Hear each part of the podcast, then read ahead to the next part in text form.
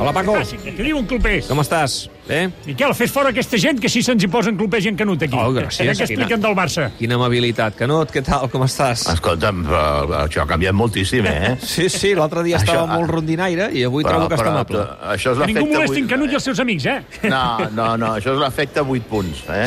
Ah. Aquesta diferència de 8 punts que, que, que ni se'n recordava el Paco des que el Barça havia estat líder i amb 8 punts d'avantatge respecte al segon classificat, que a més a més és el Real Madrid. Paco, Sí, sí. per, Home, per, per bé veure-ho aquí. per veure una altra vegada. Eh? Sí, sí, tant. Vuit que poden ser 11 avui, eh? Virtuals, però, home, 11 ben bons. Jo, jo aquestes coses no les conto si no anem parells de partits. Eh? De moment són 8 i, i, i amb 8 de moment ens hem de quedar. Eh? Mm. Escolta'm, eh, avui és potser dels partits més complicats que li queden al Barça fora. Eh, si sumem Sant Mamés, Cornellà al Prat... Mira, vols que et digui una cosa? més. Vols que et digui una cosa? És veritat que al Barça li queda un calendari bastant, bastant més plàcid que, que, que, li, que li pugui quedar, per exemple, al Real Madrid, no? Perquè el Barça ja ha anat als camps dels equips grans i, per tant, doncs, ha fet bona part de la feina, no?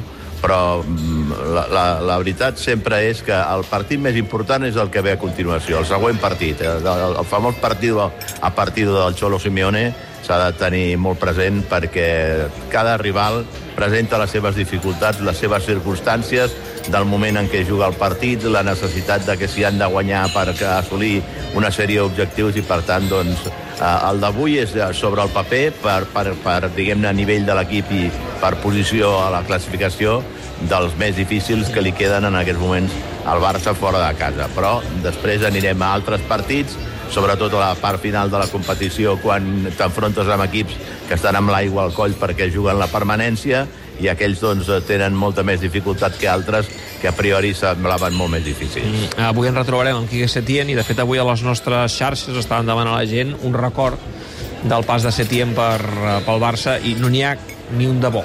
Eh? No, no. Eh, Que no, Mira, Sergi? el Ferran ens diu el dia que Messi va parlar amb Saràbia saltant-se el rol de Setién en aquella, en aquella xerrada que van fer a la banda. El Ricard Puig diu era un bon entrenador en un club convuls, no siguem tan agressius. Mira, el Ricard una mica més eh, condescendent. La Caral Juan, recordo que encara li devem diners, diu, i l'Oriol eh, diu que recorda que va dir que era corifista, que va ser un molt bon acudit. Mm, Bé, tu quin record en tens? Quina és la imatge de, que guardes d'aquell pas, d'aquells set mesos de Setién pel Barça? Lluís. Home, no, no, no és com per tenir un record allò molt, molt agradable.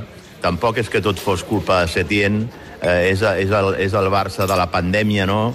Eh, però, però jo crec que és un entrenador que va arribar amb moltes il·lusions perquè era el somni de la seva vida poder entrenar al Barça. Ell va ser el que va dir que, que hagués donat un dit de la seva mà per poder entrenar algun dia o bé per haver estat dirigit per Johan Cruyff. Això va fer que es guanyés doncs, les simpaties i els afectes de, de, de, sobretot del cruifisme, que és una part importantíssima del, del barcelonisme, però, però no és el mateix entrenar al Betis, a les Palmes o al, o al, o al, o al Lugo que fer eh, d'entrenador del Barça, més d'un Barça eh, que entrava, diguem en la recta final del, del que era el Barça de, de Leo Messi i li va venir certament gran la seva experiència amb el Futbol Club Barcelona i com es va demostrar que moltes vegades va estar en mans dels jugadors que li manaven absolutament tot fins al punt de, de, de, de donar aquella setmana de descans dels eh, jugadors del Barça després d'acabar la Lliga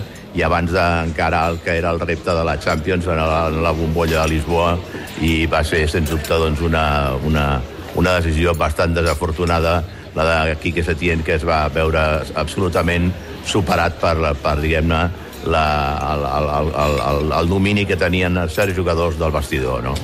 Bé, escolta'm, ens ve una setmana, ens venen unes setmanes eh, que déu nhi eh, perquè ja dijous que ve torna a l'Europa League amb aquest Barça United. El United, per ser, ha guanyat avui, li ha costat una mica davant del Leeds. 0 a 2, eh, arribaran tercers, perquè està guanyant el City, tercers Sí, a la sí. Premier, i no sé, és una incògnita aquesta eliminatòria, eh, Bueno, perquè el és- United és- està millor. És una, és una eliminatòria d'Europa League, però que segurament seria perfectament una eliminatòria de vuitens de final de la Champions, no?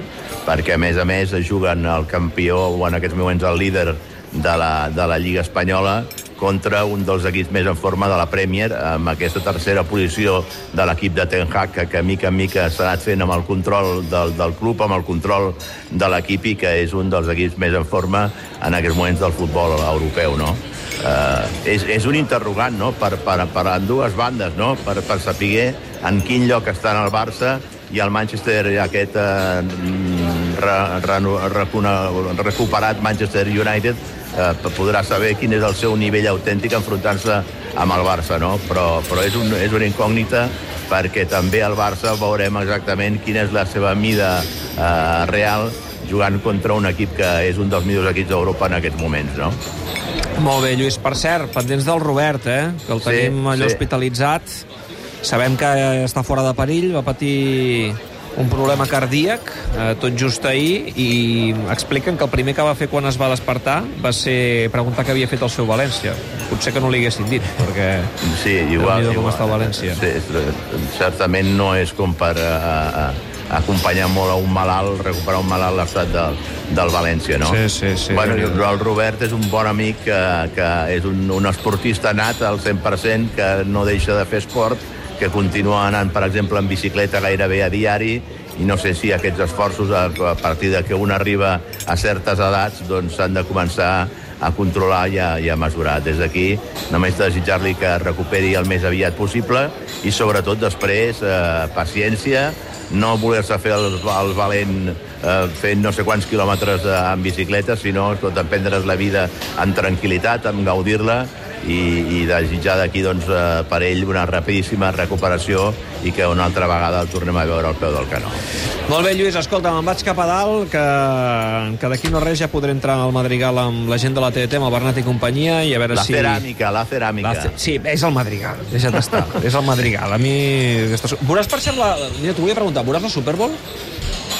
No, no, no. No, ets no, de no. Super Bowl, eh, tu? No, no sóc molt de- de- d'aquest esport. No, no. La veritat, encara no, no em sé ben bé el reglament de- de- de- d'aquest esport. Ni, ni, el, ni, el, ni, del, ni del futbol americà ni del béisbol. Ni del eh? béisbol, sí. Bé, en fi. Va, Canut, vols una mica de ratafia? Va, posa'm, va, posa'm un... Mira, un mira el Canut, mira el Canut, com s'estira, tu, una ratafia, molt bé. Jo no, que he d'acabar el programa, Paco. Adéu, que vagi bé, Canut. Vinga, David, que vagi molt bé. Una abraçada.